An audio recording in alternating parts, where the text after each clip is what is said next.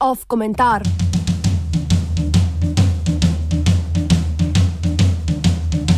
Minuli četrtek je premijer Miro Cerar na javni tribuni skušal na vse pretege dokazati, da politika stranke modernega centra pri begunski krizi se stoji iz prave mere.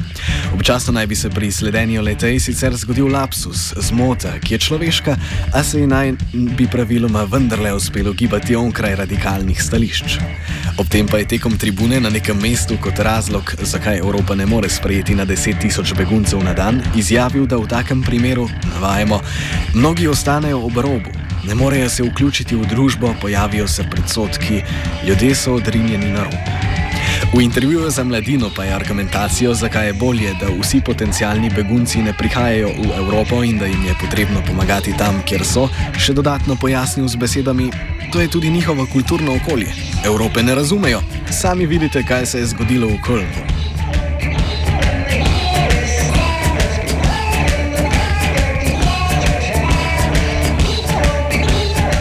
Da gre za kulturni trg, kot je to označil sam premijer, pa je bilo prav tako slišati minuli teden na okrogli mizi z naslovom Slovenija in migranska kriza v celju, kjer je sta prvaka SLS-a in SDS-a ter prvakinja NSI-a razpravljali o begunski tematiki.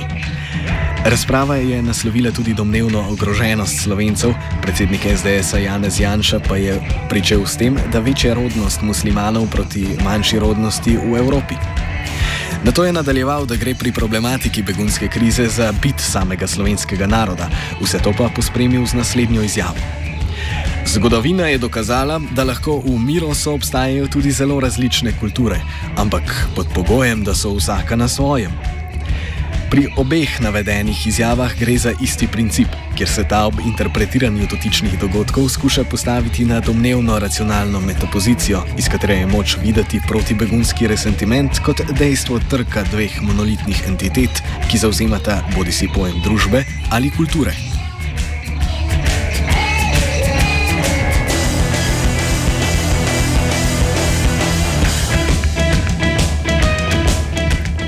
Da je to vrstna metapozicija utvara, ki jo je preveva neizogibnost zauzetja posamezne perspektive, pa priča tudi sovpadanje tovrstnih izjav s protibegunskimi protesti, na katerih je bilo moč poleg slovenskih zastav videti tudi grb karantanskega panterja.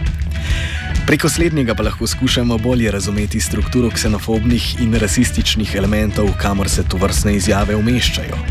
Kot je v kolumni opozoril arheolog Andrej Pleterski, dotični grb ni pripadal kneževini Karantani, saj ta ni imela protokolarnih simbolov, kot so himna, zastava ali grb. Predvsem skozi domišljijo publicista Joška Šavlja se je ta simbol kot karantanski v javnosti pojavil šele leta 1981.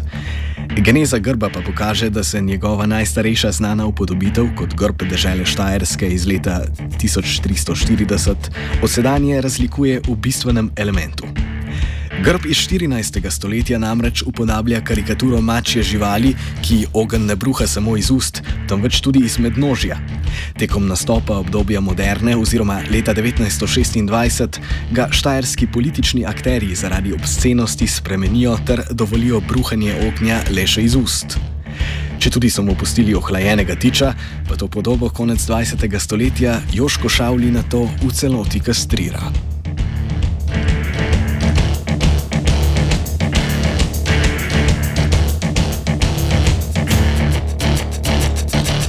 Povedanega tu ne bomo delali sklepa o kmečkosti in neznanju o, o omenjenih protestnikov glede njihovih lastnih simbolov, niti ne o domnevni neutralni ravni dejstev, ki sama po sebi govorijo napram rasističnim in ksenofobnim izpadom.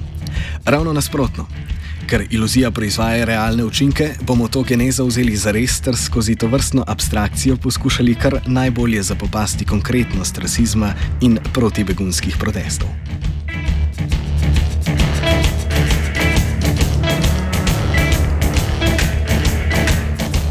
Miselni ovinek nam skratka nakaže na simbolno kastriranost, še posebej prisotne na protibegunskih protestih. Kastracija pa tu ne bomo tolmačili kot zgolj simbolno uprizorjeno, kot prikrajšanost, temveč kot izvorno zev, ki šele omogoča samo delovanje simbolnega. In njegova lastna nezmožnost, traumatična točka, ki se jo skuša prikriti, zaradi česar pa je za samo delovanje simbolnega oziroma vzpostavitve družbene vezi konstitutivna. Hkrati pa ta deluje kot tujek, ki onemogoča homeostatično ravnotežje simbolnega reda in okoli katerega se tudi v registru naroda veže in organizira užitek te skupnosti. Deluje kot tisti presežek v nas, ki nas dela več kot nas same, oziroma kot dragoceni objekt, kot naša stvar, ki pa ima kot nujni pogoj za vzpostavitev tudi fantazmo sovražnika. Ta naša vrsta se skratka lahko vzpostavi le preko grožnje, da nam bo nekdo to našo posebnost oduzel.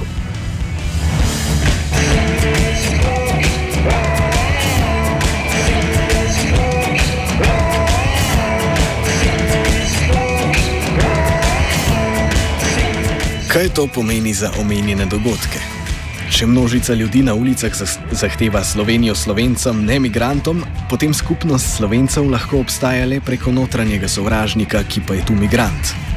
Ogroženost pred njimi in njihovimi načini uživanja, kot nam kažejo primeri domnevno kulturno-inherentnega užitka po posiljevanju žensk, mučenju in trgovini sužnji, je tu konstitutivne narave za samo slovenskost.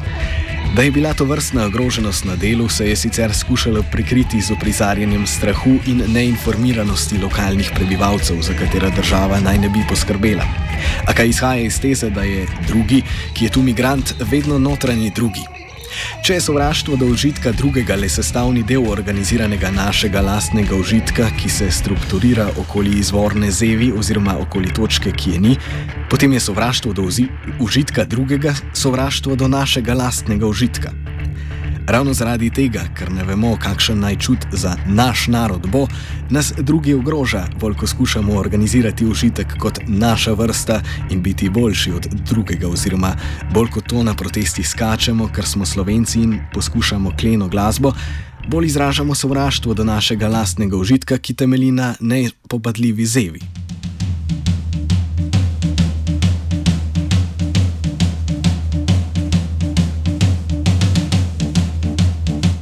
Če gre torej pri modernem rasizmu in tovrstnih protestih za oklepanje bistva skupnosti, ki ga ni, potem lahko prav tako razumemo postrevanje in krčanje opredelitve tega mi ob begunski krizi. Opredelitev, kdo je pravi slovenec, ki med drugim naj ne bi jamral, in kdo ogroža slovenstvo, se vse bolj krči, v stanju izrednih razmer pa to vrstna krčitev zajema tudi pravo. Slednje je še posebej razvidno v Franciji, kjer so previdno suspendirali pravo in pravne pravice pri preiskovanju osumljenih teroristov, spodnji dom parlamenta pa je že potrdil predlog spremembe ustave. Ta tistim, ki so rojeni v Franciji in imajo dvojno državljanstvo, ter so prav tako obtoženi terorističnega dejanja, odvzema francosko državljanstvo.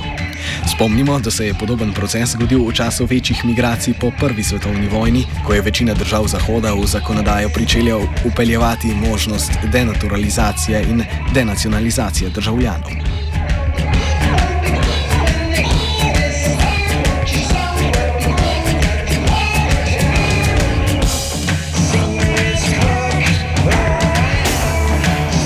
Vprašanje, ki teži premijeja, kako najti pravo mero, je torej zgrešeno vprašanje zato, ker jo išče po postavitvi dihotomije med mi in oni, med slovenci in domnevno nelegitimnimi ekonomskimi migranti.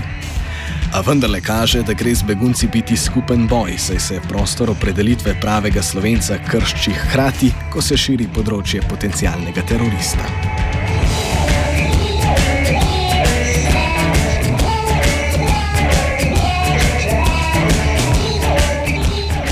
Komentiral je